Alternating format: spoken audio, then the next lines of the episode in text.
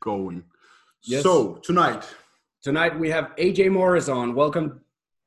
Hey guys, thank you very much for having me. I really appreciate it, and uh, yeah, I hope I can provide your listeners with some good quality content today. Oh, I'm sure you do. I'm sure you can.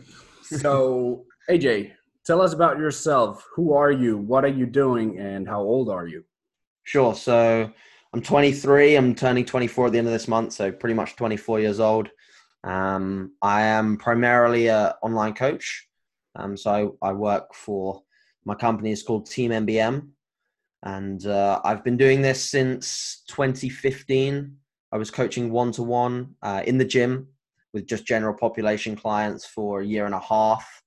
Um, then I realized that I wanted to work with bodybuilders because I'd found my passion for the sport. Competed first in 2014, and I'd also helped a friend to compete in 2015. So uh, I, I, knew that that was where my calling really, really was, and that that working with the general population side of things was what built the basis of learning that I, I, I liked helping people. I liked people chasing their goals under my guidance but I wanted to sort of take that a little bit further and put people on stage as my main priority and main sort of coaching, uh, coaching service. So that over the last sort of yeah, pretty much five years has been my my day to day life. I wake up, I get on the laptop, I work and uh, train, and and that's sort of my day. It's, it's not crazy exciting from the the outlook, but for me, it's perfect. Um, I love exactly I love exactly this sort of day to day process and for me, alongside that, it fits very well with my my own sort of personal journey. So I compete naturally. I competed last in 2017, um, and I won the, the British Junior title uh, with the UKDFBA, and that qualified me for WNBF Worlds, uh, where I competed and won the Junior World Championships as well. Um, and now my next goal, well, it was prior to this whole Corona shit, was uh, to compete this year and um, ideally chase my my WNBF Pro card.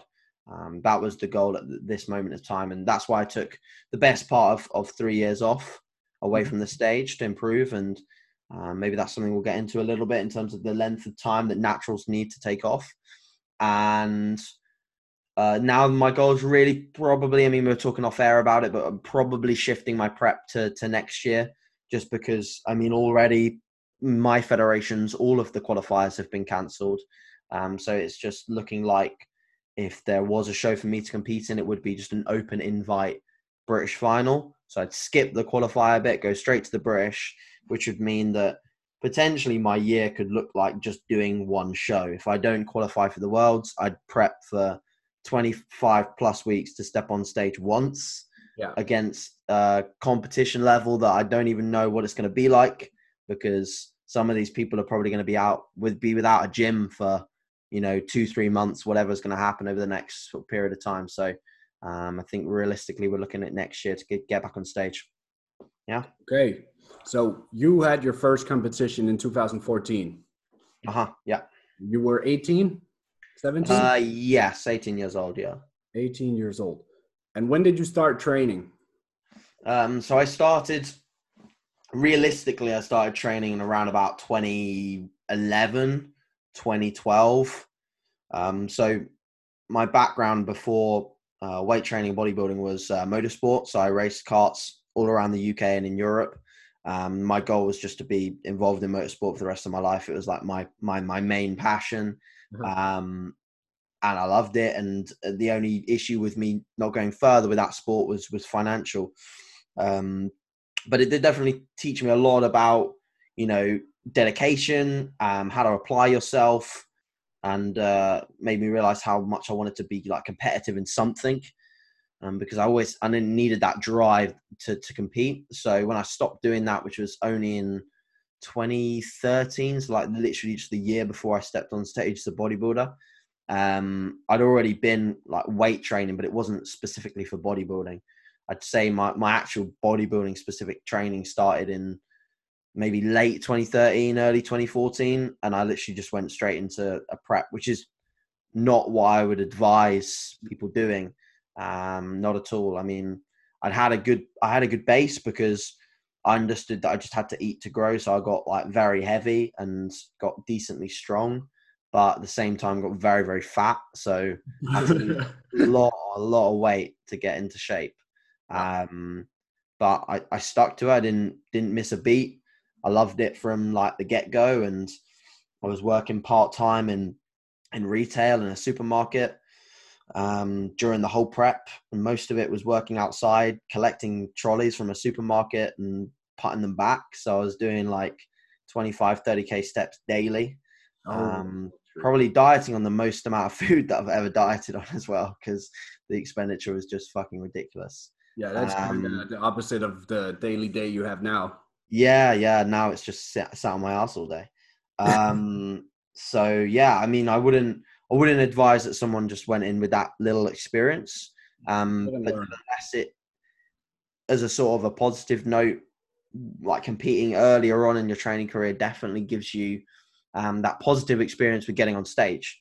Like a lot of people wait a long, long, long, long, long, long time until they step on stage because they think, "Oh, I'm not ready yet," um, and they miss out on potentially gaining experience and, and gaining sort of uh, an awareness of what they look like on stage, where they need to improve, um, and knowing whether they've got the minerals to get down there in the first place.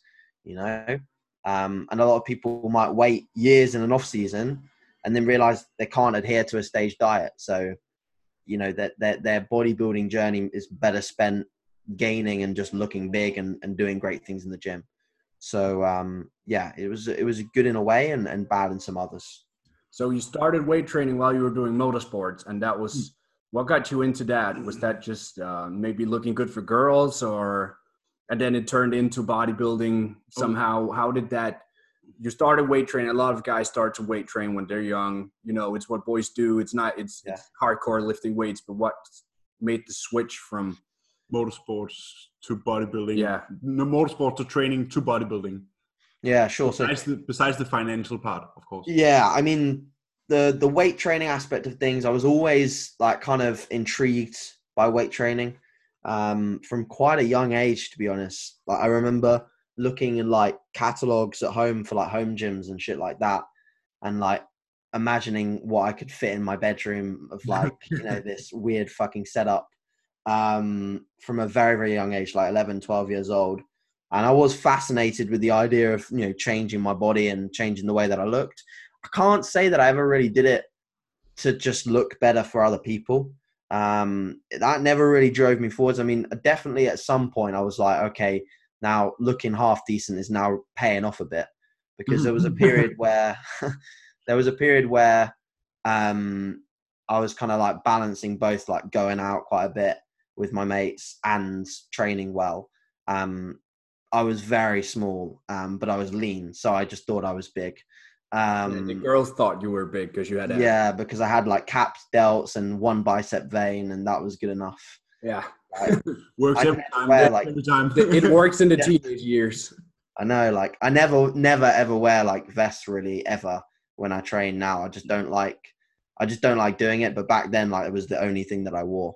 Um, Yeah. So it did make me more confident for sure to get into it. But the transition from like you know motorsport to to weight to weight training was kind of linked because a lot of people don't realize how uh, demanding motorsport is. It's it's very very physically demanding, and you know today's top top drivers are all incredibly fit, incredibly fit individuals, um, and they have to.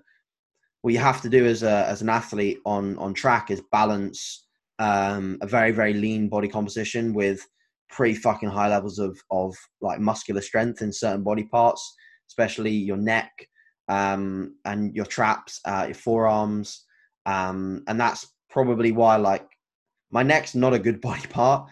Um, I wish I could have more of a neck, but my forearms have always been crazy big because I was used to doing a lot of grip training. Um, even just uh, my dad used one of my old wheels, my my steering wheels, and attached about like 30, 40 kilos of lead to it and just made me sit and hold it and twist it for like as long as I could until my forearms just gave way. So you hit failure. Yeah, so it's a failure. Yeah. Um, I could also imagine it's very uh, demanding when you have to focus for so long. It's very neurologically demanding, hugely. Um, especially how young I started.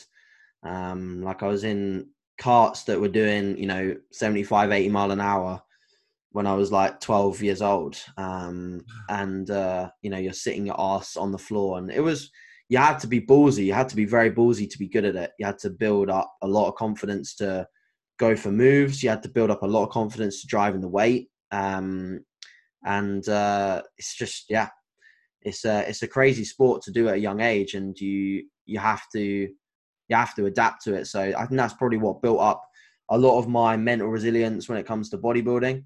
Um, also, like a few other things that have built on mental resi- resilience, but that's probably one of them. I find bodybuilding, without sounding like relatively cocky, I find it quite quite straightforwards um, because there's not, there really isn't too much complexity about bodybuilding. No, Um, you get you you get what you get what you get. Yeah, Like, uh, there's no. I always say there's no team player who can score the goal for you. yeah, yeah. Too right. You know, That's a good you- thing. You get what you put in. Nobody can eat the food for you. Nobody can eat, lift the weights for you. Nobody can cook the food for you. No one can go to sleep, go, go to bed at time for you. Yeah. It's it's all up to you. Uh-huh.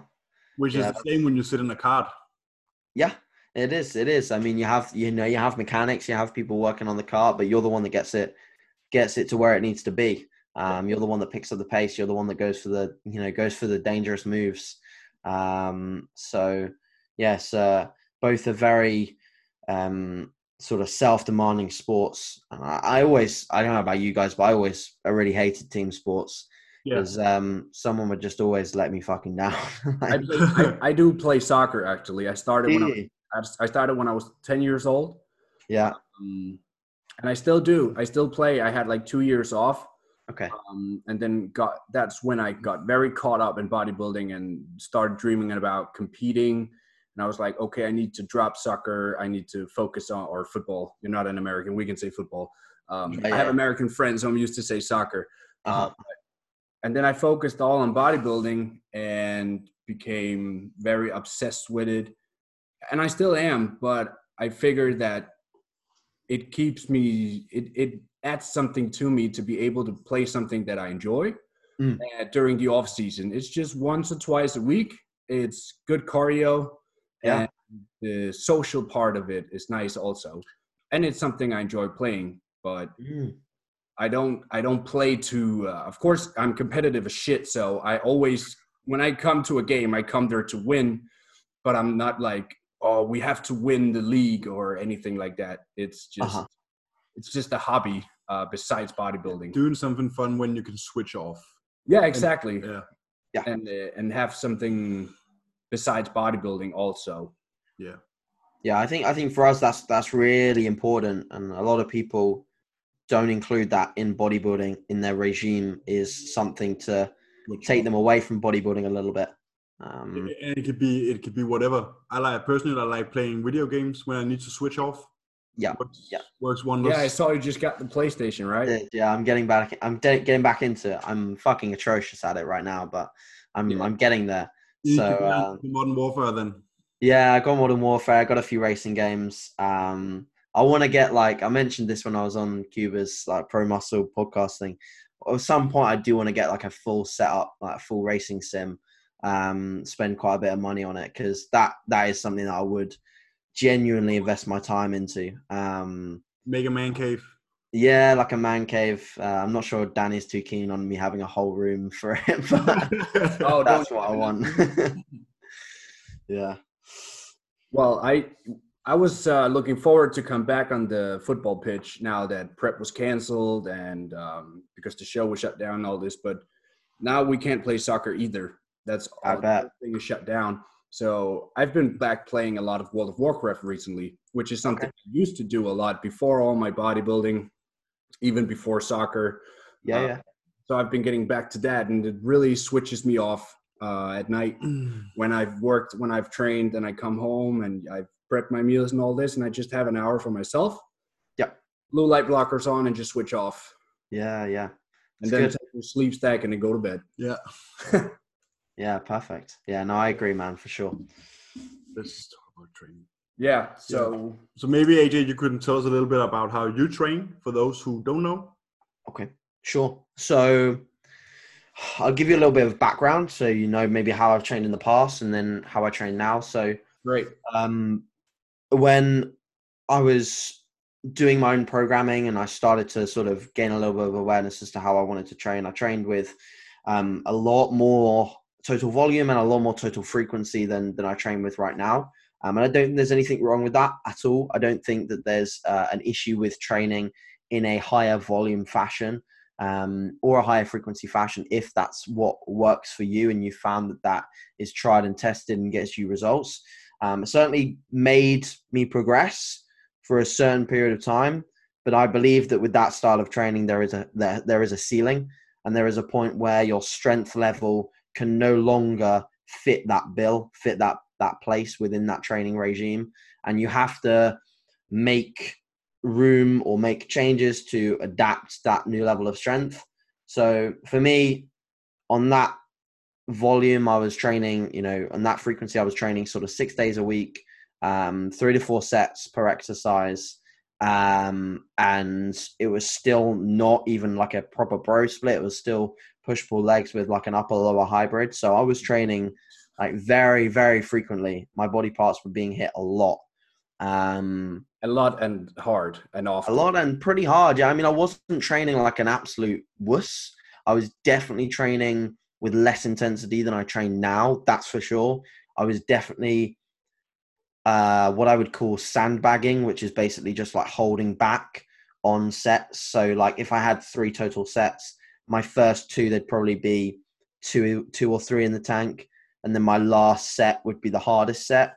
That would that would be how I'd approach generally most of my my workouts. Yeah. Um, very different to how I approach sets now. Um, and there's pros and cons of that. So the, the, the pro obviously back then was I was able to accumulate quite a, a, decent amount of volume, quite a decent amount of effective volume as well. Because if we consider that some of those sets are, are relatively close to failure, and then there's one that's really close to failure, there's quite a few effective reps there because we know that effective reps sort of lie between four and five away from failure. Um, however, I was getting like a lot of injuries, a lot of fucking injuries. Like even at a young age, like I was getting tendonitis um, from the amount of squatting I was doing. I was getting tendonitis when I'd then go to press. So all of my pressing went to shit because of tendonitis. Um, lower back niggles, left hip niggle. Um, right before I started my prep in 2017, I like as JP would say, pinged a few fibers in my adductor, but it was probably more than a ping because I could barely walk. Um, Daily thing for him though. Yeah, exactly. So I should have, I should have just walked it off. Um, but uh, but yeah, so so that was my training back then, and that pretty much was my training for the whole of that prep. Um, so I think about towards the end of it, I I, I started following um Jordan a little bit more for not just not just look not just looking at the site and like watching the videos, but by by that point in 2017, was putting out a little bit more as to how he actually trained. Like prior to that was the videos. I don't know whether you watched the old videos, but they're very basic. Like you saw the workout, but you didn't really see him talk much. It was just no. it was a bit of music in the background, um, and you didn't really sort of see the session really. Yeah, you didn't get the thought process behind yeah. I think he's much better now at showing what goes on in his mind before this big set.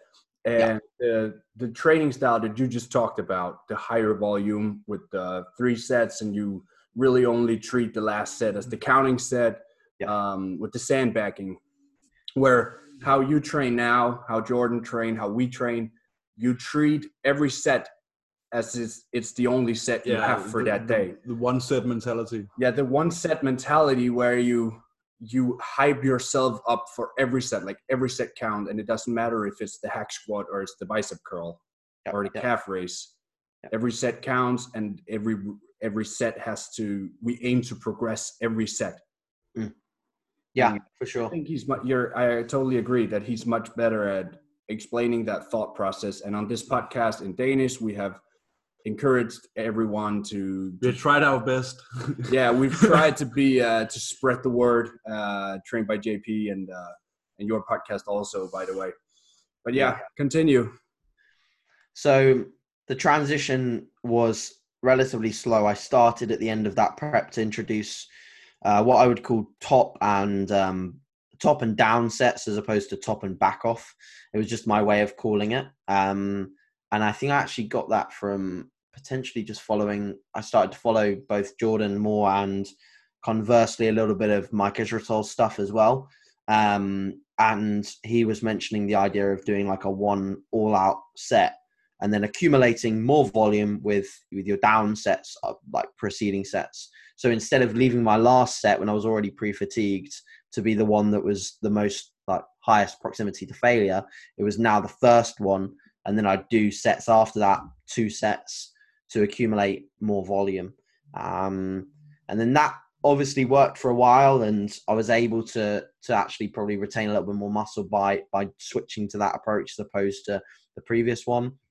Um, and with my myself getting leaner, I was also reducing the overall volume a little bit, um, just for recovery purposes. Um, and then sort of post competition, I had the idea in my head that I was definitely going to follow a more of a, a lower volume approach because I was already enjoying that that style of training with the top set. And I was just like, well, what happens if I just do just just one back off? Because I was finding the the third down set, the one after the the first one was was just a little bit too much um, especially as I was getting more skilled in the neurological aspect of training, like you said, in terms of the hype. I was getting, yeah, more ability to be able to hype myself up. Um, you know, just just connecting with that sort of drive and determination to take a set all the way there. Um, and this is something that I say a lot. Like it's a learn, it's a learned skill being able to take sets all the way there, and that's why I think that some people do need more volume when they are starting or are newer trainers, like as much as they can definitely respond from less, they need to be a little bit more affluent with the skill aspect of, of lifting weights before they can really learn how to take a set all the way there. And when they demonstrate that, that's when their volume can start to come down a little. Yeah, I have experienced that on myself. Started uh, when I started working with Kuba last year. He obviously didn't know that I had been working with Jordan for a year also. Okay. Uh, so I remember the first training program he gave me was like a lot more volume than what I yeah, have now. That was disgusting. Yeah, we he jumped on one of my leg sessions. It was crazy. It was something like uh, I think the whole we had 20, 22, 22 20... sets or something like that for a leg day. it was yeah, it was retort and and you know I was training in that fashion as yeah, as we, you do as we do. Yeah. So I oh my god. I remember the first leg day on the five days after i still needed help from my girlfriend to sit on the toilet. It was ridiculous. Uh, so i've experienced that on myself you know that approach that uh, as a coach you don't know how hard people train and you then you adjust as you go. Yeah, so yeah. my volume now is obviously a lot lower uh, yeah. especially on legs. Fuck. I think when, when we had that leg day we spent three and a half hours. Yeah, we did it in Rotherham too. That was in Ultraflex, yeah. Yeah. Oh my god. Yeah. How long ago was how long ago was this? Was this like a year ago that you started with Kuba? I, I started working with Kuba in May. Okay. Uh, last year, and that was in the beginning of September. Yeah. Uh, but because I had one, pretty uh, much before that also. Yeah. In the summer. Yeah. yeah. Uh, he, we switched it. We switched the training program in uh, October, I think. Yeah. So after like five months of getting to know me. Uh, yeah. But also, I had like during the summer, I think I had five or six weeks of total travel where I didn't train, and okay. So we know we have to find a balance. Yeah, yeah. I think that's actually coincides with when Kuba was going through his too much volume phase as well. Oh, like he, probably. He, it reflects. He went, through, he went through a phase like in the summer where he was trying to train three days on, one day off with quite a lot of volume. and like, I remember Jimmy like coming in, and this was when I first moved to to, to here, and Jimmy was like dragged along with Kuba, and Jimmy kept saying, "This is too much. This is too much." they they always go back to the same to the same sort of split. Um, like even I've suggested the idea, like in a few of our sessions, I'm like, what if we do a little bit more? And they're like, no, no, no, no, because they always go back to the same, you know, two days on, one day off, one day on, one day off. Yeah, that's what we. That's, that's what we both have, and he's from he's under Jordan. It works. It just yeah, works. It wonders. I, we Uh, just switch. We just switched mine to that from having uh, a normal push pull legs, but with a two on one off. Yeah, So- I think I think the rest either side of legs is just is just perfect. Um, Yeah, so you can say when I had the two on one off, but it was still push pull legs, that would always through to and and with two rotations attached, every day had a rest day on either side of it. Yeah, yeah, yeah. That's nice as well. It's I think the thing is, you just need as you get stronger. Like this is the point of, you know, my whole sort of adaptation with training is as you get stronger, you're just going to need ultimately just more and more rest.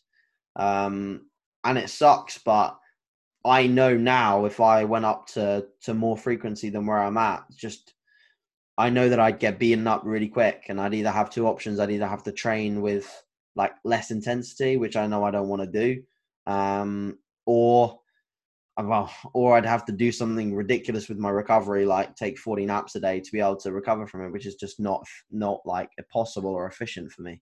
Oh, even though you're in a pretty good position to be able to do so. Yeah, I mean, I wish it, I I kind of I kind of could nap, but um, unfortunately, business is very busy. So for me, in my day, I'll be lucky if I get one nap. And, and you And- the dog walking. Yeah, Oh, Barney, oh my god, I love Barney.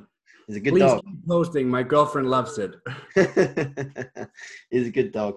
Um, no, he's been a he's been a very good addition too. Like he gets he gets me in even a better of a routine to be honest, because I was getting a little slack with my steps, um, and I started to feel very very lethargic uh, at the end of my off season. Um, before I started to dip into this diet, and um, he just like obviously you know wakes up want to go wants to go for a walk, so getting a walk in first thing was was a big game changer in terms of just that last little push for appetite and things like that. So yeah, it was a, a good move getting a dog. Yeah. Yeah. So I, I don't remember how far did we get into the training talk. So I now pretty much I pretty much covered everything. So I think the only thing to add was like obviously now I train with the the similar approach to, to you guys in terms of just one one top set and one back off set for for most things and obviously a little bit more uh total volume for isolation based movements especially on like weaker body parts.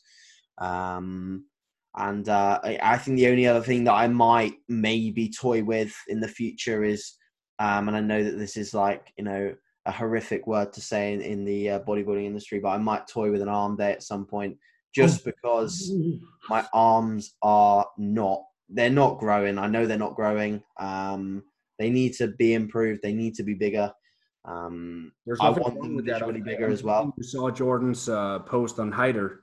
They just uh, yeah i did yeah i did with regards to the quality of physique yeah yeah, where Jordan says, you know, you need to look at the physique. If if everything needs to grow, don't have an arm day. Yeah. But if you have space, so Hyder, he has space for an arm day because his back is really really good. yeah He might have the the space to do that. But if you're if you're up and coming, if you're a first time athlete or you're just in your first few years of training and you need to improve everything, then there's no reason for it. You're already a world champion, a junior world champion. Mm. So you need to look at what needs to improve even more so than other things. And uh, that would obviously be a good addition because then you get to train them when they're fresh. Yeah, and I think the other thing that sort of for me it makes it makes sense at the moment because what I would do is I would just train push, pull, arms, legs off, Yeah. and then I'd only do that. I'd maybe only do that like once every other week or something, depending on how I was feeling. Yeah. Um, and the arm day, like what's an arm day gonna do? Like on on a day that would usually be resting, like. Let's Yeah, face it, a bit of pump from arms is practically a rest day. So Yeah, because there's no CNS. Uh, nothing. stress. Yeah, nothing. Um, and more focus. Like I, I find, like as as much as I I fucking love training, like everyone's gonna be the same in the sense that when you hit the end of the session on a pull day, when you've done RDLs and rows and pull downs, like you get to the end and yeah, you you want to do biceps, but your focus would arguably better if if you just did an arm day with just the biceps and triceps Yeah. yeah. um and i've you know i've, I've even tried in the in the past like doing my arms like in the middle of the session or in the front of the session and it just never seems to work because on the day where i'm pulling or or legs or whatever i always want to focus on that i don't want to focus on my arms like yeah, when you're two days out from your pull session, you're just thinking about that deadlift. Yeah, you are. You're not You are. thinking about the preacher curl. Yeah. you, Exactly. to Fuck bed, you wake up that morning thinking of the deadlift, and then it's like, oh yeah, oh yeah, we have to do those two sets of biceps. Yeah, I know, I know, and it's. Uh, I think one of the other things with the the arm training as well is just my my execution definitely needed to change a little bit, and um, you know, training with Kuba helps quite a bit with that because he's just so he's just got incredible arms. So I just listen to everything that he says with arm training. Um, take on board a few of his exercises that he's done in the past that have worked well, and um, I've done the same thing, sort of back and forth with Kuba for his back training because there was quite a few things that Kuba would, could do better with his back training that I could have done better with my arm training. So um, it always helps to have a training partner, I think, that has your your weak body parts are his strong body parts, and my like weak body parts on on the That's other is strong. Yeah, it kind of it works well because you know you can spot technical flaws in execution that for you would come really naturally um, like on a bicep curl, you would point something out really easily that I was fucking up. Um, and like on a row, I could see when Kuba would start to use his biceps or his traps or whatever. It's really easy to spot when you're when you're with someone and when you do it quite naturally in your own training. So, yeah, um, I can I can I look at the when you look at the calves. Um, I always if people have because someone like uh, Emil he has great calves. So Uh-huh. training his calves at the end of his leg session where he is fatigued and the focus is not the same still gets the job done. Yeah. For someone who doesn't have great calves, it would be ideal I think to maybe have them first in the session yeah, agreed. Yeah, and that wouldn't probably wouldn't take anything away from your pressing or your squatting but you can't do that on a pull day because if you did biceps curls prior to a pull downs uh, it would take away from it it would. Yeah, yeah, so I agree. that's the whole we just launched an episode uh, last week i think on Yeah, exercise selections. exercise selection and programming so that was a nice talk uh, to finish up on that but uh, so you train with the boys. you train with the boys Yeah, train with Kuba, you train with Jamie, Jimmy, these guys. Um, and we do know they are not natural.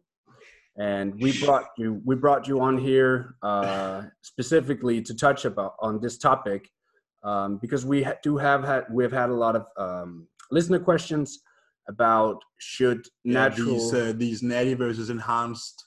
So we thought, why don't bring on the natty to to answer these questions? the world champion Natty who trains with the, with the Enhanced. enhanced people.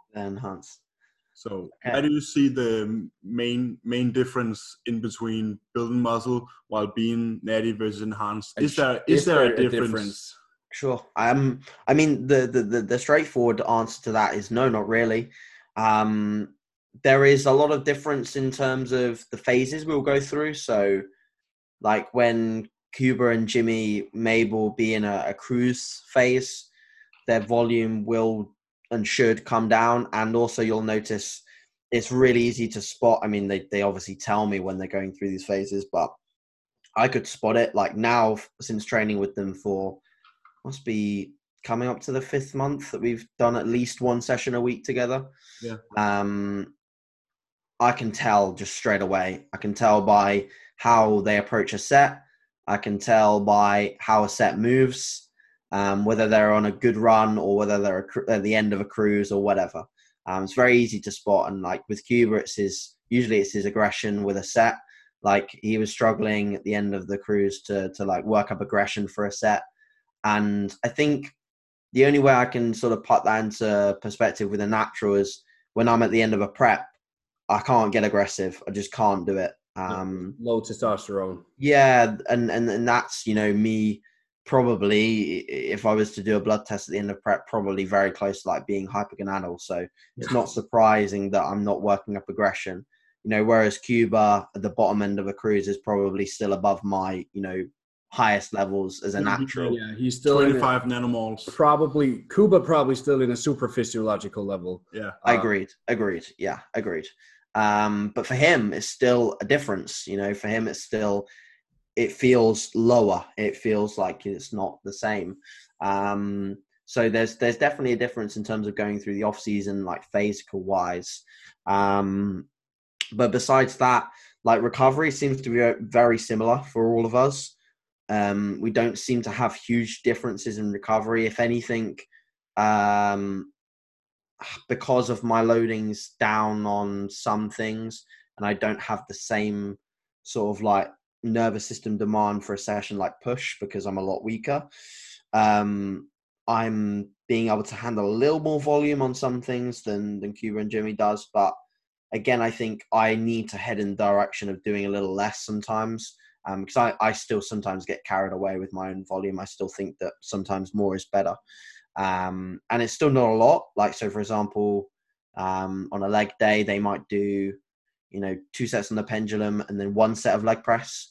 Whereas I'll always want to do the two sets on the leg press and, you know, do do the extra one because I like doing at least two sets. I, I've never thought one set is enough. If you get me, yeah. um, but then I'll come back for the next rotation and they'll be fresher than me, and I should have done less.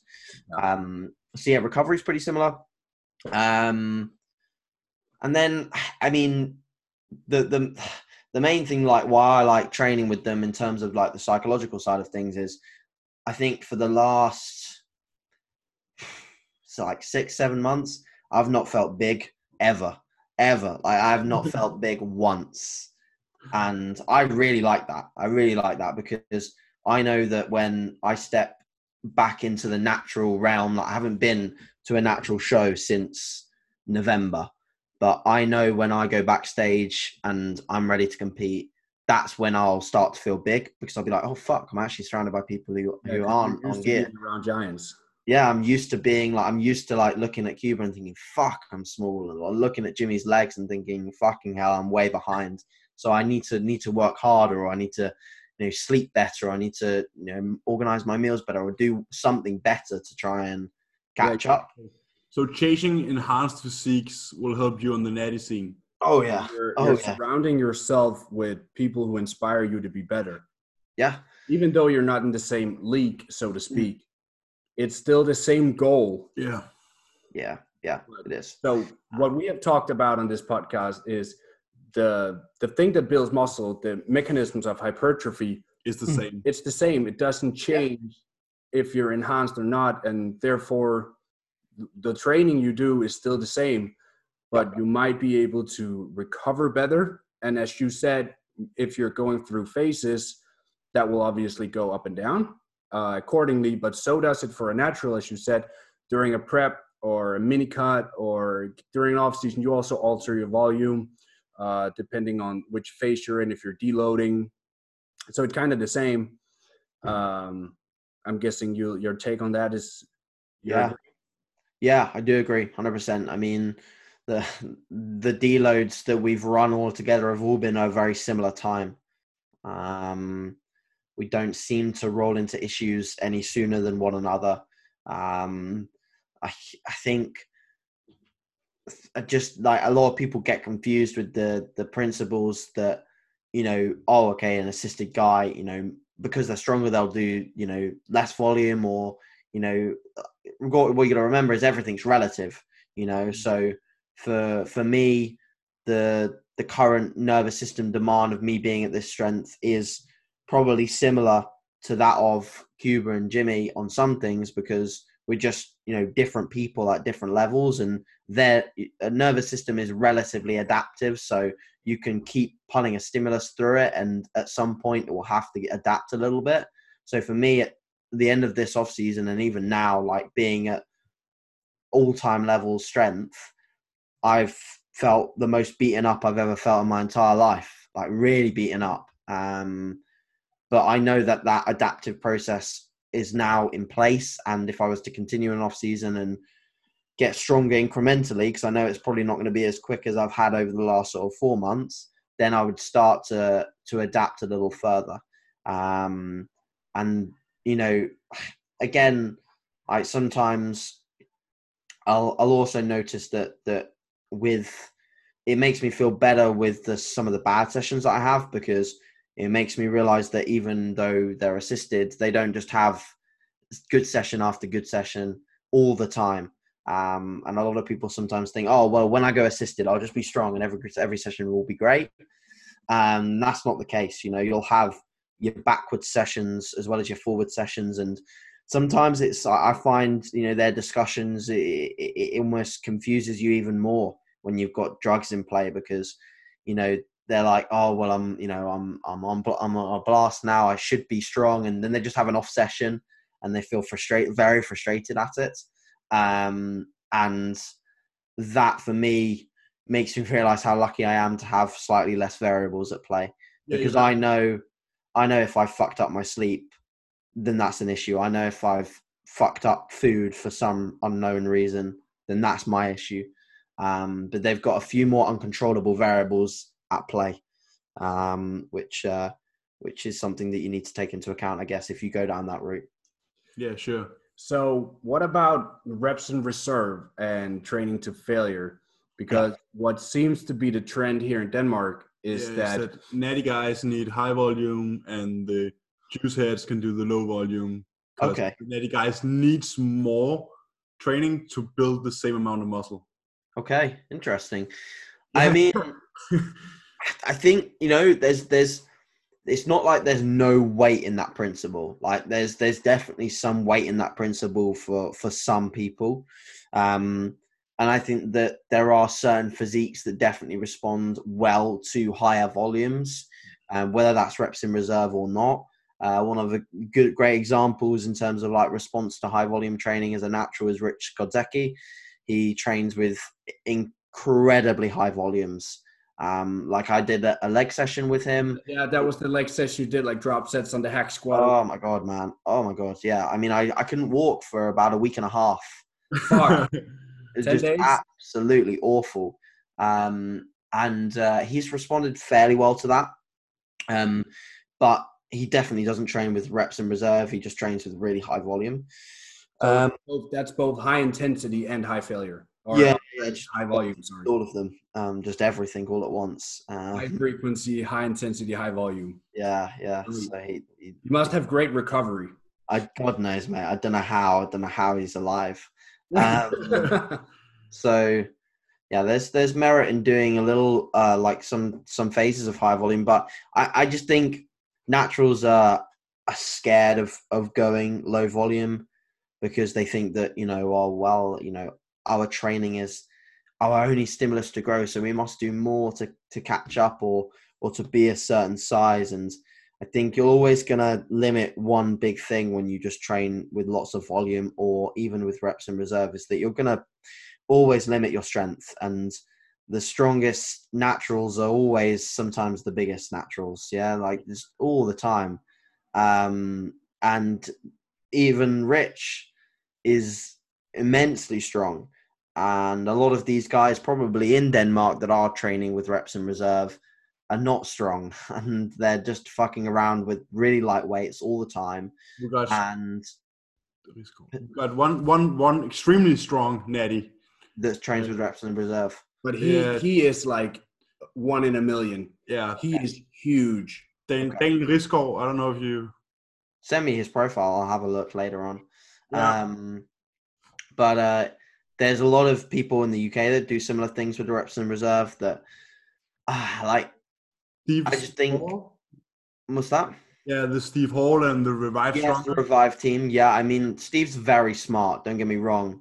Um, and Steve probably is one of the people that utilizes reps in reserve in a good fashion.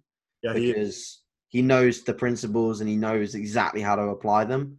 Um, the issue with a lot of people that follow then then follow Steve and then follow his principles is that they don't know really how to apply them that well, and they just they put together this fancy spreadsheet and you know follow these perfect volume increments over the course of a mesocycle. And they haven't actually learned how to apply intensity. So their their final week where they are taking things to failure is still very far away from it where it should be. And they're always holding back. So their amount of effective reps when they were in week one and there were four RIR were just nowhere near where they needed to be. Then instead of four RIR, they were maybe 10 RIR. Yes, because if you've never trained to true failure, you have absolutely no clue where yeah. is. Yeah, agreed. But one thing I want you to touch on is that connection between strength and muscle size because we do know yeah, we have talked a lot about this. You're yeah. not you're not getting stronger because you're getting bigger. You're getting bigger because you're getting stronger. Yeah. yeah so there's a correlation between size and strength. Um, and if we are not training with the maximal load that we could be, uh, because we're holding back, sandbagging, as you said, mm. um, and we're using less load than we are actually able to, compared to using as much load as possible um, with the one set mentality. Mm. I want your take on that, uh, the correlation between strength and driving up strength for building muscle instead of um, accumulating volume. Yeah. Yeah, I mean, there's a lot of obviously studies both ways in terms of volume being a driver for hypertrophy, and some people believe that it's the main driver. However, I think that we all believe, and I definitely believe that mechanical tension is the biggest driver of hypertrophy. So load on the bar, um, the progression of that element. So I think if if if a lot of people or a lot more people focused on the logbook and driving those numbers up and increasing the amount of total tension that they are putting on their body over time, that they will be a, a bigger human, provided that the stimulus, i.e., the form, stays the same. Um, I think I've noticed the most progress doing that. However, I'm not blind to the idea of moving through higher volume phases to see how well I would respond to that. You know, I remember after the session with Rich, he messaged me and he said, you know, like, have you ever thought about training with more volume? Not necessarily a session like that, but he said, you know, I know how you train. Have you ever thought about doing more? And I was like, well, yeah, I have. And there's no reason why I wouldn't try that for a block of time. You know, very much like Jordan tried RIR. You know, Jordan tried RIR. He he saw himself get smaller. He saw himself get weaker. Not a good approach for him. Um, if I was to try a higher volume approach, I would try it for a period of time. I would see visually how I was looking and how I was feeling, how I was recovering, and make a a well-rounded opinion based on that. Um, but I, I personally think if I was getting if I was getting weaker as a rep- and then I was replacing that loss of strength with more volume, I think I would look worse. Yeah. Um, but that's just a hypothesis. I don't know whether that would actualize or not. But that's a, based a on based on the statement that strength drives uh, hypertrophy. You know, if we can lift more load, uh, we can build more muscle. Yeah. Then that would make sense. Yeah, it would. Yeah, yeah, for sure. And regarding the volume is the driver of hypertrophy, you could argue that that is somewhat true because if you're doing 100 kilos barbell press for 10 reps and you increase that over the course of four months to 110 kilos for 10 reps you have increased your volume you maybe not have added any reps or sets but you added load to the bar you've added mechanical tension and through that volume that is volume yeah yeah you're right but that is through driving up strength um, yeah. which which is the approach we train with um, we're not power yeah. lifters we're not uh, strongmen but strength definitely has a play and a role in bodybuilding style training. Yeah. Yeah. Accumulating volume through strength progressions. Yeah, because you're definitely accumulating more volume in a session now than you were four months ago. Yeah, hundred percent. But you haven't necessarily added anything uh, specific no to do that. Yeah, no sets have been added. No. No, that is just, and that is also why, as you said earlier in this podcast, that as you get stronger, you need more rest. Because if you're if you're deadlifting three plates and two years later you're deadlifting six plates or five plates, um, you definitely put more stress on your central nervous system. It is adaptive, but not as much as the the muscle. Uh, no, it's way less adaptive than than muscle tissue. Yeah, it's exactly. probably the least adaptive thing that we've got as bodybuilders. Um, obviously, we've got a relatively adaptive muscular system. We've got adaptive joints, tendons, and ligaments, but they're even slower than muscle, and probably even slower than that is your nervous system. The rate of adaptation, the rate of actual like differentiation between individuals is actually kind of unknown because it's very hard to do research on the nervous system. Mm-hmm. So you've got like things like HRV. I know you've got an Oura ring, um, Uh, yeah, I've got mine too. It's on charge. Um, and uh, yeah, we've got things like that which might help us with a little bit of research into the nervous system in the future and how adaptive it is, or what's the differentiation between people. But I know with working with clients that there is, I think, a vast difference between nervous system um, uh, ability or efficiency, nervous system efficiency, uh, between individual to individual. Because I've got people that can recover from way more than me, um, and there's no difference to food, there's no difference to sleep, but there's something going ticking on in their system that's better or more efficient than me um, or I'm better or more efficient than someone else. I, I think there's quite a big difference for sure. So, Even what about your thoughts on on rep ranges? Like, because we do talk to CNS. Um, know, you are deadlifting relatively uh, low rep, or uh, have been recently. Yes, yeah. threes and fives, and um, do you like your general thoughts on one rep maxes in bodybuilding and threes and fives? Uh, I know we see Jordan do a lot of these. But then mm. you also have guys like Dante Trudel. I don't know if you follow him. Yeah, I do. Yeah. Uh, saying that you should pro- probably stay away from that, uh, like below five, and work up. What is your general thoughts on that topic? Sure. So I think the lower reps you go, obviously the the higher chances that you're going to run into an issue with regards to an injury. Um, the skill acquisition that you gain from going in those low rep ranges, I think, is beneficial. Mm. So mm. You learn how to handle those loads, and you learn a little bit about how far you can push yourself, and a little bit about what it takes in terms of mental toughness to be able to attack a heavy weight. Um, the whole idea with the the lower rep ranges for me, like when I visit a three or a four, the goal is not within that moment to hit a three or a four really the goal is the the future sets that will come as a result of that three or four so it's turning the three into a six or a seven or an eight. New weights principle in yeah that's it that's it. Um and i think I, i've always come into that quite naturally without even like no disrespect to jordan but like without even knowing that that touching new new weights thing was around. I've always sort of yeah I've always kind of just fallen into that idea of oh okay today I'll do a, like a lower rep set so that then the the back off feels lighter or that you know so that then I can work this up from a three to a six and I know it always worked quite well because I've always been able to progress pretty decently with that. Um, I think where people get a bit lost in this principle is the whole aspect of I think a lot of people feel, especially when they get more followers on Instagram, is like they feel the pressure of putting up a new lift um, and like new PB. Like if it's not a PB, then I'm not going to post it.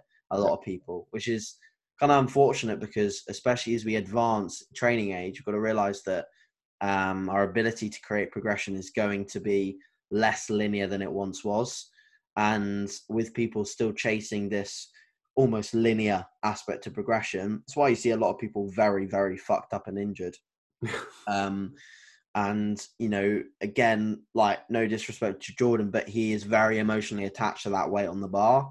But he is also quite injured, and yes. you know that's that's not that's not a problem at all. Like I'd I think he'd happily say that he'd rather be injured than just not touch the new weights and not try it.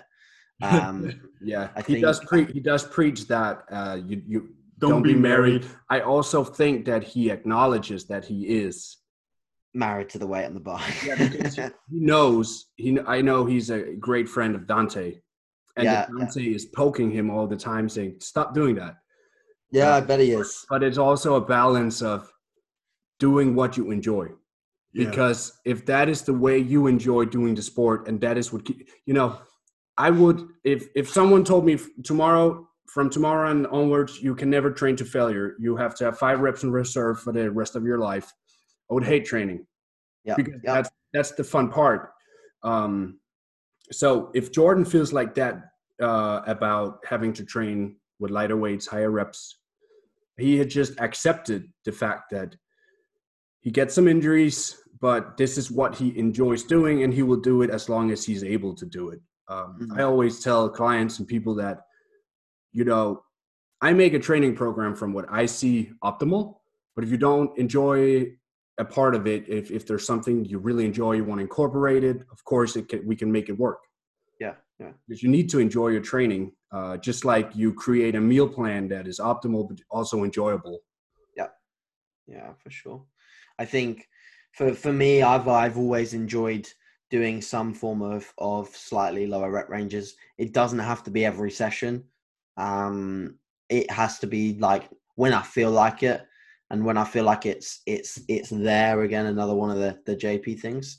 Yeah. Um, and uh, yeah, I think that that's a huge fundamental part of what makes me love and enjoy sort of bodybuilding is that you know progression element of of knowing that I can I can hit new weights and I can I can lift things I've never done for even one rep. You know, every every time I've hit a triple or a, a you know a four repper, it's probably something that I've never picked up the floor off the floor for or, or pressed for one. Yeah. You know, when I shoulder pressed the fifties, I hadn't done them for one. When I pulled two twenty, I hadn't done that for one. You know, I don't I don't think I've ever done a single unless it's been a huge fuck up of a set. Ever. you know, like um I probably have done a single on like something at some point, but it's been my fucking fault. I used so. to do I used to do singles um, on uh, on deadlifts way yeah. way back. Like we're talking when I was training for the first two three years. Just every once in a while, I would do my one rep deadlift. Yeah, yeah, yeah. I stopped. I stopped doing that not just because I got caught up in the more bodybuilding hypertrophy rep ranges, but I remember then uh, the last time I did it, I did 140. Yeah. Three plates for one rep, And I was like, I don't know, 16, 17 years old. Uh-huh. And then when I went back to deadlifting and I started doing, you know, more in a probably eight rep range. And one day I realized like I'm eight repping my one, one rep, rep max, max from two years ago. That's a huge win. So I get what you're saying.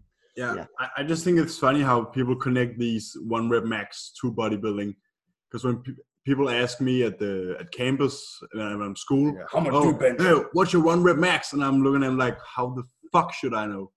Absolutely, I have no absolutely no clue. Yeah, I can tell yeah. you my five rep max. I can tell you my ten rep max, but one rep max, I have no idea. Yeah, yeah, and I think I think that's good. I think that's good to to not know because otherwise we'd be so tempted to keep improving that number because we're all about progression if we yeah. started doing one rep maxes all the time, we'd probably want to to do more of them. And I think that's probably why, you know, not just Jordan, but people in that situation that have done a few doubles or a few one reppers want to go back and do another one and another one and another one because yeah. you're always you're always close to that next milestone. Like when you've done seven and a half plates for a single, you want eight. You know, you're not going to stop until you get eight, and then when you got eight, you probably want nine. And like, maybe that's because we all feed on this uh, feeling of intensity. Yeah. And nothing is more intense than a run, one rep max. Yeah, yeah, yeah. So you'll get this buzz from it, but it's. I know every time I walk up to the bar for a six rep deadlift, I'm like, I just know when adrenaline is rushing. Like my heart is going crazy, and I always have to shit right before, that's my adrenaline. Like when I, every top set, deadlift, heavy set, it's there. It's like if I was out on the toilet right now, it was, it was gonna get bombed. Yeah, you get that. But you get that. You know, it's funny because my last warm up might be five five kilos less, ten kilos less, whatever. Yeah, yeah, yeah. Or a single rep. Yeah. And then you add this tiny biscuit on either side, and your heart just starts. Yeah, because you know it now it's go time. Ten grams of beta alanine hitting you yeah, in the face. That's the, and that's the one set mentality.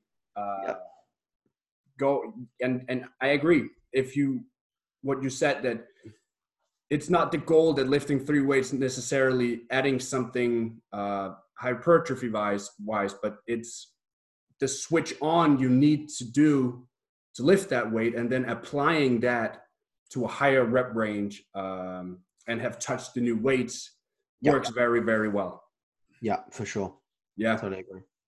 All right, I think we are going to move into the questions. Yeah, we have some listener questions. We of course have the the big one you will get asked a lot.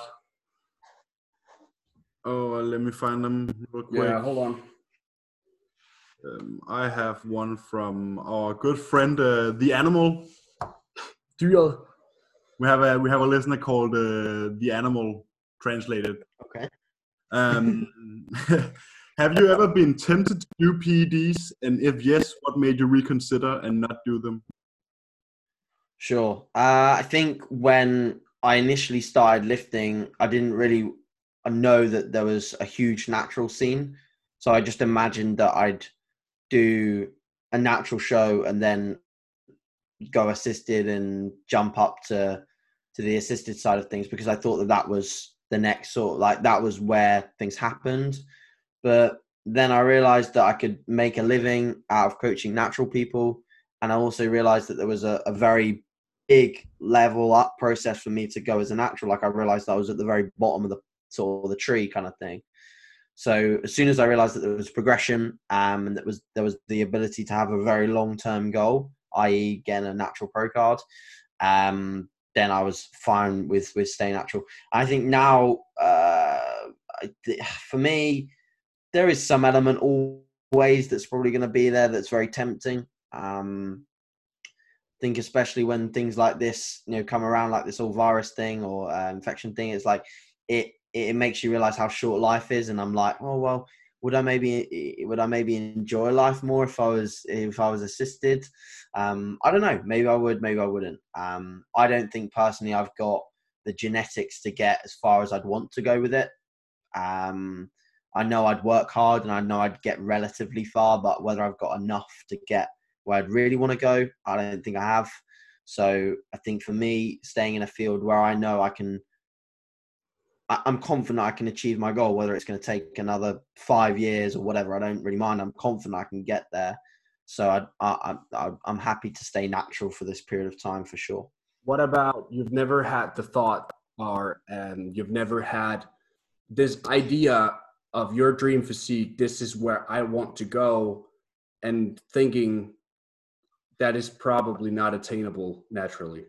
Have you ever felt that? Uh, no, not not, not, not yet. No. Okay, because I know a lot of no. people have, you know, you you have a lot of people in general population um, doing PEDs that are not even competing, and that is just because they have a personal goal of where they want their physique to be. Um, that is maybe not attainable naturally, but you've never felt. Yeah, you've never felt. No, no, I haven't really. I think for me, actually, like no disrespect at all to like assisted guys, but on stage, I prefer the natural look um, because unfortunately, a lot of assisted guys don't turn up as like clean or as polished as I would like to look. Um, and you know, there's some assisted guys that I definitely look up to, and I'd be like, wow, I'd love to have that level of size. But sometimes to get that level of size, and I know the level of size demanded at like the very top is huge, colossal. You have to sacrifice other things like your your waist size, your midsection, your stomach, um, and that's those are things that I think are qualities that I would like to have in a physique. And um, then obviously the argument would be, well, you know, go down the classic physique route, which is definitely a, a you know a good argument, but at the same time, like for me, I don't look up to the classic physique look because I don't have a classic physique. No. So it's not comparable for me. Um, however, like I do definitely look up to to people like Terence because his posing is just ridiculous, and I think everyone must look up to him because he's his shape probably one of the best posers out there. yeah, yeah, for sure. Um, so no, I think if anything, from a motivational standpoint, I've always looked up to top top uh, top natural athletes. Um, probably one of my favorites being Brian Whitaker. AJ, would you mind a five minute pee break? Go for it. Go for it. Go I'll, for I'll, it. I'll just pause it. I'll just pause it. But and we're back again. Short pee break. You didn't have. You didn't need to pee. You have a giant bladder. Maybe we drink more. You yeah. gotta stay hydrated.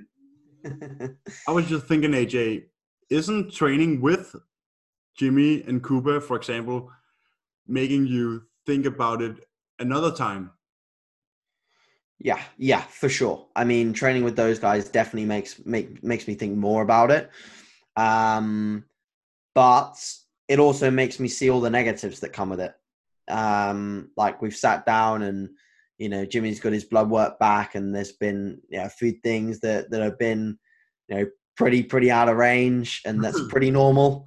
Um, and uh, and then I just sort of think, how would I feel about that? You know, how would I feel about sort of having to have that sort of extra weight on my shoulders that I've got to make sure that all of these things stay in range. I've got to keep checking in. And of course, for a natural athlete, it's still very important that your blood work is good.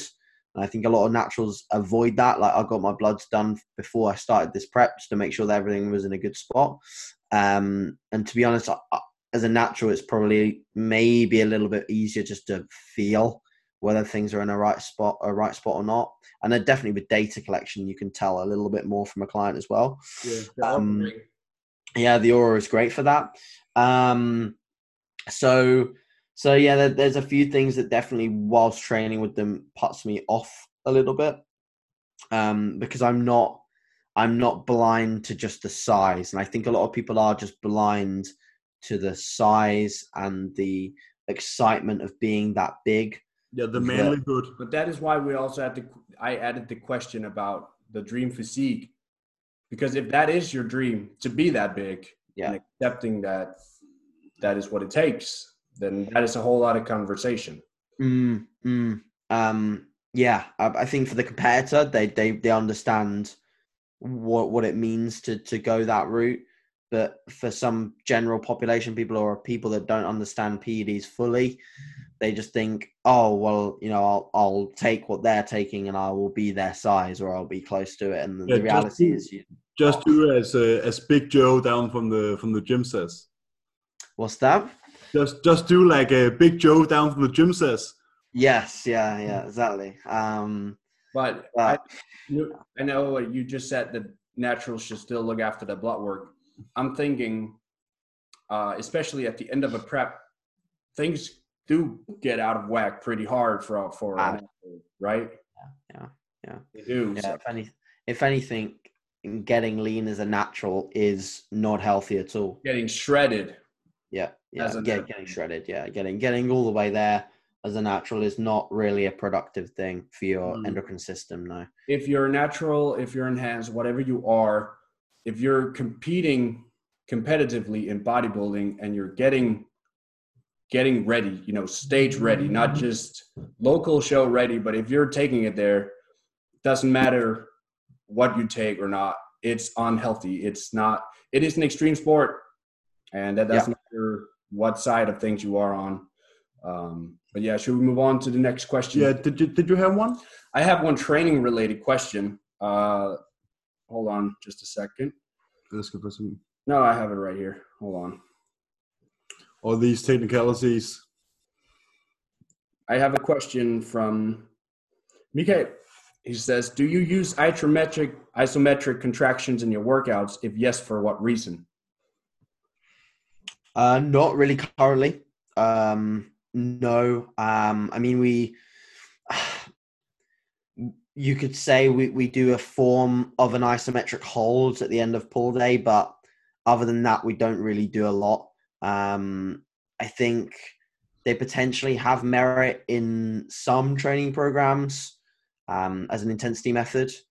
But I think if you are loading exercise as well and choosing smart resistance profiles, then you don't necessarily need them. Um, but uh, yeah, do, do you guys use those at all? I use them. I wouldn't say I use them as such, but let's say I'm going into a push session, and as I'm warming up, as I'm doing my warm up sets between them, I do isometric contractions just uh, with either very very light weight or no weight at all. So let's say I'm Yeah. doing a chest press.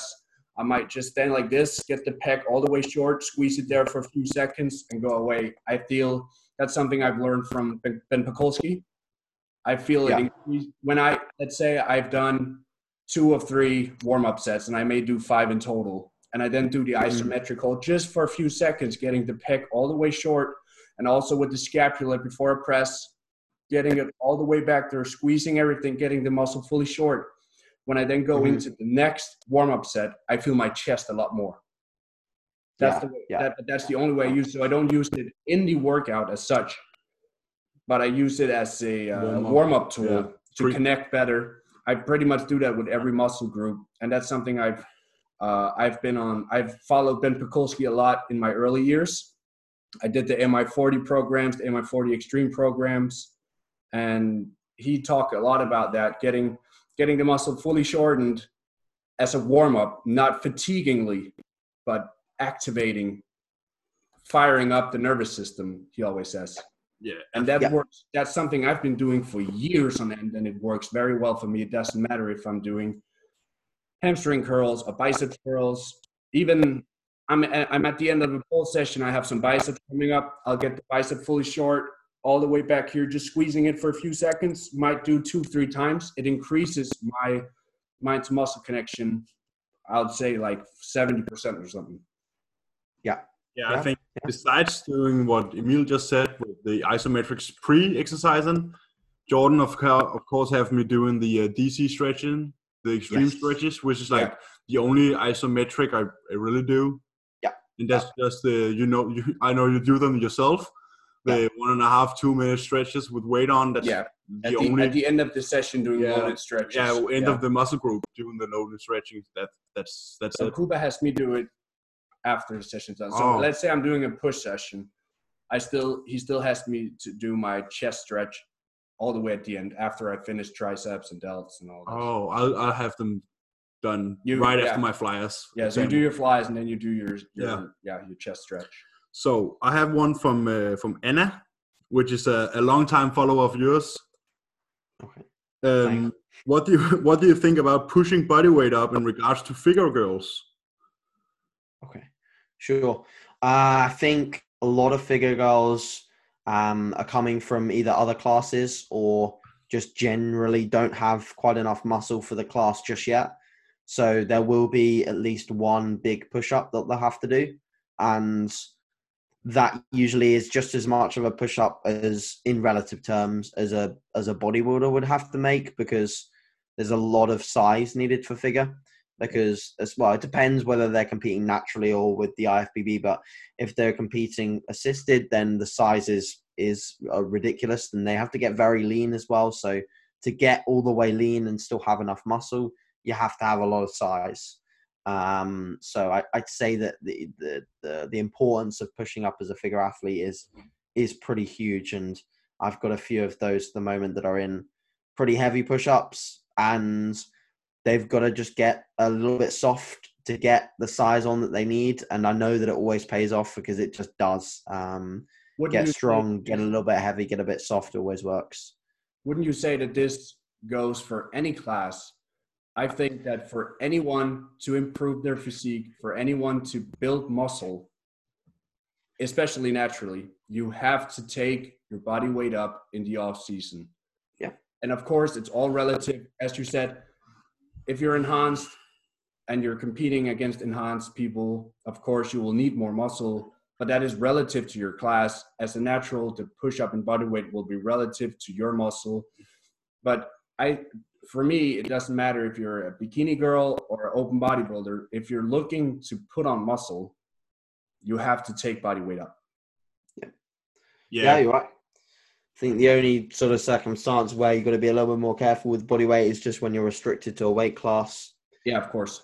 It's the only thing. Um, and maybe some bikini girls don't need to push up as much because I mean the thing is it's all relative. It's all relative, so they all still Yeah. need to push up at some point. So I just think the problem here in Denmark is this pushing up body weight to gain new tissue is Neglected. It's neglected because a lot of the girls like to stay hot and fit all year round and then just do like the five kilos cut and then stage. But they they keep looking like they keep looking the same year after year after year, and Yeah. doesn't understand why. I think you you touched on this earlier. You said that we would dive into this, so I feel this is a good opportunity. The time you need off stage to improve, because in Denmark we have a show every spring and every autumn. There's Okay. every half year, and most people, the longest they go is a year, Yeah, and especially for naturals, that is not a long time to improve. We are we are starting our two year off season right now. Yeah, I last time I competed was in May 2018. Last time we competed. We competed, yeah, Yeah. that was the same show, yeah. And uh, so I was supposed to be on stage next weekend. That has obviously not happened. Uh, but that would have been two years.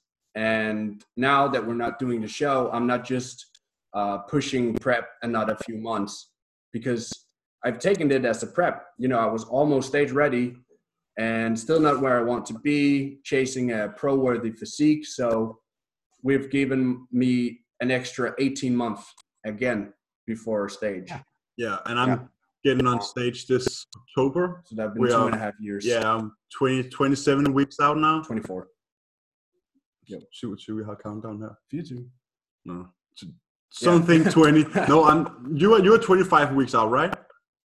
You Uh, wa- I will be potentially 25 weeks out. Yeah, this Yeah, and weekend. Yeah, what yeah. date what date is that?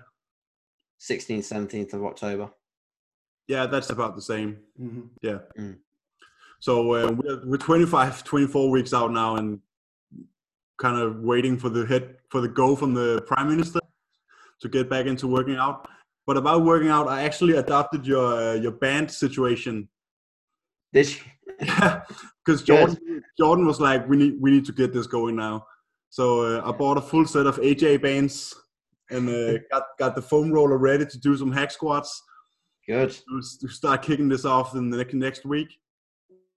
Yeah, I mean, you need to do something, right? You need to do something. Um, but in regards to, to the time off, yeah, you're right. You know, when you've got big goals to achieve, you need a lot of time. And even when you're assisted, muscle takes time to come on. It's not a quick thing. So um, it, it, it is un- uncommon for people to take enough time. People are very addicted to the stage, Yeah, very addicted to the process of getting lean. And I can resonate, you know, like taking two years out from the thing that I love and the process of which I love is very difficult, but it's it's worth it because your physique will change. level up to the point at which you are then starting to achieve your your bigger goals as opposed to just achieving small tiny ones and that short term gratification of getting on stage again and again and again. So yeah. I think the main factor for me is that I was I was kind of embarrassed last time on stage, and Okay. I- I've been spending these last we have been spending these last two years like having strong. having redemption and getting strong,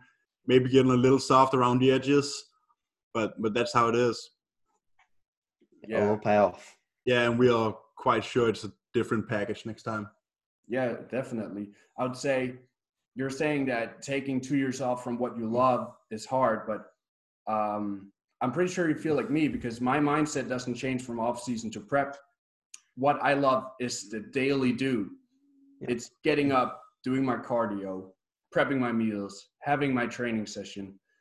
And you know, that doesn't change at all during prep. There might be less food, there might be a little less volume, a little more Mhm. cardio, but we, it's still the same thing we do Yeah. and that's Yeah. what I love about it. You know, that's why that's what I said to Kuba because my show has been pro, uh, postponed to the end of May, and he was like, "We can do it at the end of May," and I said, "No, because I don't do this uh, to get on stage. Don't do it for the gram. I didn't start bodybuilding to get on stage. I started it because I love it, and the stage will always be there. So let's mm-hmm. just do what we love and achieve the physique we want, and then get on stage. And you've obviously done the same. I'm guessing you have the same mindset on that. Yeah, for sure. I think it's slightly different in the, in this in the perspective that obviously I'm when the competitive season is going, I'm at shows every weekend with clients. Yeah. So I do I do get I do pick up a bit of jealousy. I'm not gonna lie You're because I want to be up. Uh, yeah, I like I like like for me. I obviously love the day to day process. Otherwise, I wouldn't do it. But I really do love the competing aspect of it. I love getting on stage and you know trying to win. Yeah, Um, sure. and I've not had that feeling in a while of of you know I've won every, I've won my days. I you know I win my days, but I don't. I've I'm not not got that feeling of beating other people yet, um, and that's a cool feeling. Um, but yeah, you know I do agree with you that you've got to fall in love with the process to to be half decent at this sport because you can drop off so easily with consistency in the off season because there is less of a, a direct goal right in front of your eyes, and that's where a lot of people struggle. Yeah. Um, when they have a long term goal and it's not short term, a lot of people start to slip away. But uh, yeah. I think uh, one thing more about the pushing body weight we were in about right before. I know you're big on holding body weight for a certain amount of time, like we are. We have been told, telling, uh, talking about this, but like, like you marinate. You push up and you hold the weight. Yeah, to marinate the beef to let it stay.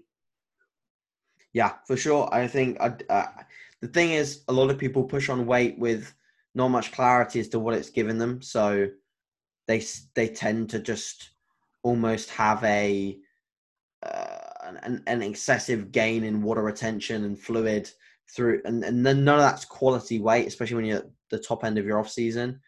So I prefer to reach a top end, hold it for a bit, and make it look better. Like you said, you know, marinate it a little bit, um, earn the weights, and then that's a much more solid weight to either start a fat loss phase or continue building upon it. Because when you're at that level of, of the off season, there is no reason why you can't still build muscle in a, a very small surplus because you've got lots of potentiate or potentiated energy from fat storage because you are at a very high body fat. The ability for you to still progress is there because you're at an efficient body weight. So there's no reason why you can't progress from a muscular standpoint in a smaller surplus. Um, you don't need this giant surplus with two pounds coming on each week to be able to gain new tissue. No. Um, so yeah, yeah, I yeah. think it's a very important phase for sure.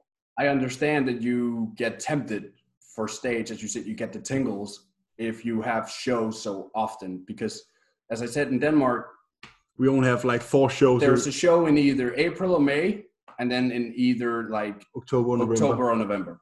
Yeah, yeah, yeah. That's, yeah, that's very different. Yeah, yeah. And, and we're getting the tingles when we are there. Yeah, yeah, I bet. I. Each full time, it's like when you're sitting there in the crowd, you're like, sitting there getting getting all excited, or when you're in the gym and somebody, or the smell of the tan. Yeah, yeah. smell of tan and rice flakes. Yeah. When you're in the gym and somebody's doing their eye walks or their posing routines, you're like, I wish I could do that. But then you grab your your double grab, chin, grab your double chin, and be like, mm, maybe not. yeah. Yeah, agreed. Agreed. I don't think. Do we have anything else? No, that was everything for today, man. Yeah, what what a what a pleasure. Yeah, pleasure, guys. Thanks very much. And actually, I might see you soon because okay, Kuba invited the Kuba team to come over after the Corona. Um, Lovely. Yeah. So if I'm not able to make it in that weekend, he said I'm always welcome. So I'm gonna as soon as the shit is over, you'll see me in a few weeks from there. Yeah, and we'll we'll be coming over. And as a team, we will come over in October or November. Yeah, when when I'm done on stage, we'll come over, stay for a week or so. Awesome. That'll yeah. be mint. Yeah, cool. Yeah, let me know when you're down, and I mean, I'm sure I'll see you around. I'm always in there, so I'm sure. Yeah, I'm sure we'll we went there in September when there was the uh, seminar. The seminar with uh, James, Jamie, and Kuba. And yeah, I remember you from that, dude. Yeah. I yeah, we, we lived on that couch in the, the whole weekend. Yeah. but, but cool. we'll be coming over. Yeah, if you need anything from Denmark, let us know. Yeah, the Thank you. giant, yeah. giant already ordered bagels. Yeah, we have some good, good bagels here. Okay, okay. I'll put in. I'll put in a request. they are great for off season. They are uh, 400 calories. They're 400 calories a bagel. Wow, that's good. Grams of carbs. Yeah, that's good, man. I'll need some of them. We're full of, full did, did, you ever find a solution for your jam problem? Uh, basically, I just, uh, well, I was, it was the the issue was the the honey. So I was using honey for a while, and it's just an awful, awful carbohydrate. So uh, I, I switched it to jam, and I, I, I managed to get away with it for a while what I did, what I did was actually I, I, weighed out. So I was having 100 grams of jam and two bagels post workout. Um, so I ended up, and like, I think I had like three or four squares bars as well. Um, and so I just had the jam on a plate and then the two bagels next to it, and I sort of like dipped, dipped the in the jam. That's um, a lot of jam. Yeah, it's too much, man. I I didn't enjoy eating like that at all. Uh, it wasn't good for me. Um, but it did the job for a while. The rest of the diet looked a lot better than that. Yes. Yeah, the, the post workout is always a mess. yeah, I mean, you look at it and you're like, why the fuck am I eating this? Like, yeah, I'm, my post workout at the moment when we were training is like a bowl of pineapple, bowl of rice, bowl of bowl of sugar pops, some bread, and some jam. yeah. I mean, you look at it and you're like, what, what is this? It's a buffet. Yeah, you- you're looking Yeah. at like, oh, that's 300 grams of carbs and Yeah. five plates. Yeah. and then you eat it, and then the rest of your day is ruined. you can't do anything. It definitely takes a toll on you. It does. You just want to fall asleep straight away. But and everybody is like, oh, that that must be so delicious. And you're like, Yeah, not when you're deep in off season. no, it's not. Uh, not I, at know, all. I know that you know how much food Kuba pushed me on. Yeah, yeah, disgusting. You know when he's when he's adding 60 grams of carbs from juice, you know it's bad. Yeah, Then you know Yeah. it's bad, man. horrible, horrible Yes. food intake. those 800, 900 grams of carbs a day. Yeah, oh. I, you know, I'm I wasn't tracking you know my ketchup or whatever I put on my food, but tracking the direct food sources. It was 915 grams of carbs on training days. Horrible, Yeah, six meals and an intro. Grim, mate, Yeah. grim. but was you, fucked you up. gotta do what you gotta do. Oh yeah, Yeah. uh, when I was working with Jordan Oh, back Oh, in uh, back Oh. in 2018, I had six months where I got up every night to eat to get it all down. Every night without fail for six months. he pushed you Uh, 70, 70 so pounds. bad, so bad for your sleep. It's I so bad. started working with Jordan right when I got off stage in May 2018. I was 182 pounds on stage. Yeah, And when me and Jordan stopped working together, In I was January. in January 2019, so that's eight months. I was 250 pounds. that's 70 pounds in eight months. 250 pounds of pure love Yeah, pure love and, handles. and love handles. wow. but it definitely, it definitely put on muscle, and it definitely gave me strength. Uh, that was an extreme push-up. That's something like Jordan has done before himself, 70 pound push-ups. yeah. Mm. He hasn't pushed me that far. Not No. yet. No, But I don't know. I it's funny because we've both worked with Jordan, but it's been very different. yeah, Very different. everything is very different. But different. that's good because that shows that you know it's not cookie uh, cookie cutter. Yeah, and principles change. You know, Yeah. people adapt their principles. People do things that they maybe shouldn't have done, or or maybe have learned from. And you know, I'm the same with clients. I've fucked up with clients before, and I've made decisions that maybe weren't correct. Um, you know, not big fuck ups, but like things that maybe didn't weren't right at that period. And uh, then you learn from them, you adapt, and you know, some similar client comes along, and you're like, okay, well, let's not do that again, kind of thing. Yeah, Yeah. I'd say in defense of Jordan, it wasn't planned. Uh, we were planning to then start the deficit, but that was when he that was in January 19 when he launched his supplements, his clothing company, and he had a lineup of seminars coming at him. So he had to cut down his number of clients, and Yeah. you, roll the dice. I was one of them, and that's just how it goes. Yeah. So I was left at the end of a 70 pound push up, fat as fuck. And like, okay, well. Put on the big boy boots. yeah, yeah. So I had a Uh, few months. I had a few months with myself where I just, um, I went through a lot personally in that time. Okay. So I took it a little bit easy. I wouldn't. I was still coming down in weight, but I allowed myself a lot more social off-plane meals. I didn't say no to go out um, to eat with friends. I would say maybe going from you know perfect weeks, perfect weeks. I was maybe having two to three off-plane meals every week. Okay. but lowered my weekly intake, so I still made sure I was coming down. So I was in kilos when me and Jordan stopped working. We were 112. 112 Yeah. kilos was the highest weight we hit. And then when I started working with Kuba in May, uh, which was like three and a half months later, I was 98 kilos. So I did take off 14 kilos myself in three months, which, what you think about it, is quite a lot. Yeah, yeah, for sure. And probably needed. Yeah. It was needed. It was You, you, needed. you said it. You said it. It was needed. I got I got the stretch marks. I before working with Jordan, I only had the good stretch marks. You know, Yeah. the, the chest, trophies. Fat ones. the chest, the inner thigh, the the Laterals. lats, the lats, all this. Jordan gave me the ones on the hips. Perfect. Free of charge. yeah, free of charge. oh dear. Yeah. But I think we'll Alright. just round this off. Yeah. Unless Thank you you have so something, uh, something Unless you have add. something you want to add. Of no, course. man. I think I think we're good. I think that was I think that was pretty much everything I could have possibly said. So um, Just yeah. Just uh, two things. Um, where can people find you? What is your Instagram, your YouTube, your website, your member site, uh, coaching inquiries? Tell us. Tell us. Plug yourself. Sure. So the Instagram's AJ Morris underscore. Uh, the YouTube, just search AJ Morris. You'll be able to find me on there. Um, website wise and membership wise, it's just made by morriscoaching.com. And that's just uh, very sort of similar content that you'd see on Jordan's site um, with regards to training and educational content on there as well. Is that only Um, clients? started that.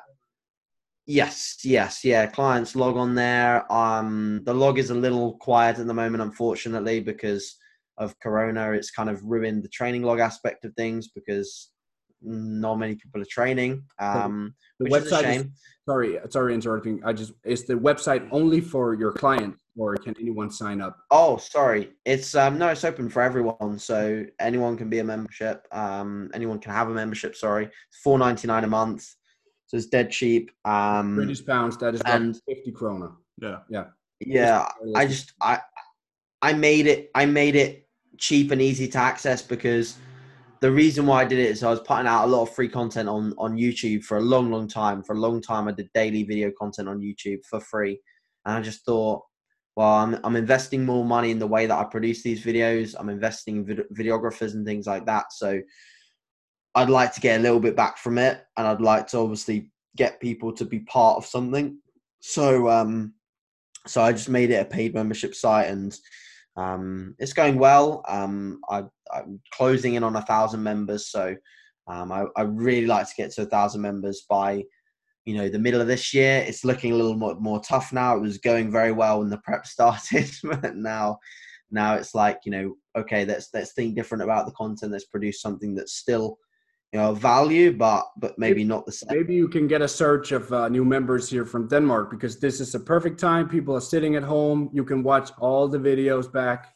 Exactly. There's uh, 250 and plus is- videos on there. So This is the perfect time to learn, educate yourself, and be extra ready Yeah. for when the gym's open to stay motivated so you don't fall off the wagon. Um, it's a perfect time for you guys to invest and uh, go learn something new. Yeah, thank you, dude. Yeah, I appreciate that. I couldn't I couldn't agree more. Um, so you know, you've got more time to spend doing these things, and a lot of people don't use these sites as much as they should because of time. So now you've got more time, it's more reason to use them, and there's plenty of content which you can apply when you do get back into the gym. Yeah. Um, whether it's even just motivation or it's the educational side of the site as well. So um, yeah, and that's pretty much me. Um, so yeah, other than that, We have one one last thing- thing. We have a pronouncement. You have uh, you have to pronounce the podcast name in Danish. We had the giant do this uh, in He, was- Danish. he was pretty good at it. He was pretty good. Um, in English, it's called a chat about training. okay, Pretty simple. Uh, yeah. On Danish? On Danish, we'll take it word by word, and then you'll say it in fully last. Okay. Oh my god. Okay. Right, I'll give it a shot. Okay. In. Okay. In en, yeah. Snak, snack. om, Um. Training. træning, Training. træning. Say it again. En snak om training. In snack um training. Yeah, that was good. The giant was like, "It's not on training." you got it better. There's, there's a letter. Uh, in that's I like It's the, uh, Danish letter. Yeah, we got the Scandinavian letters. We got Scandinavian letters. We have three more letters than you guys. It's uh, sounds you don't have in your uh, vocabulary. So that was pretty good. I like it. It's interesting. All right then. Thanks very much, guys. Thank yes, you. thank you so much for coming on. It was great. I hope you guys learned something from AJ and that you will sign up for his site Yeah. and that you took something away from the whole talk about training today. A chat about training as always. All right. Maybe that's Barney coming in. We'll see you, see you- AJ. Danny, actually. I'll see you soon, man. Yeah, Hey. we'll see you soon. Bye. In a bit. Bye.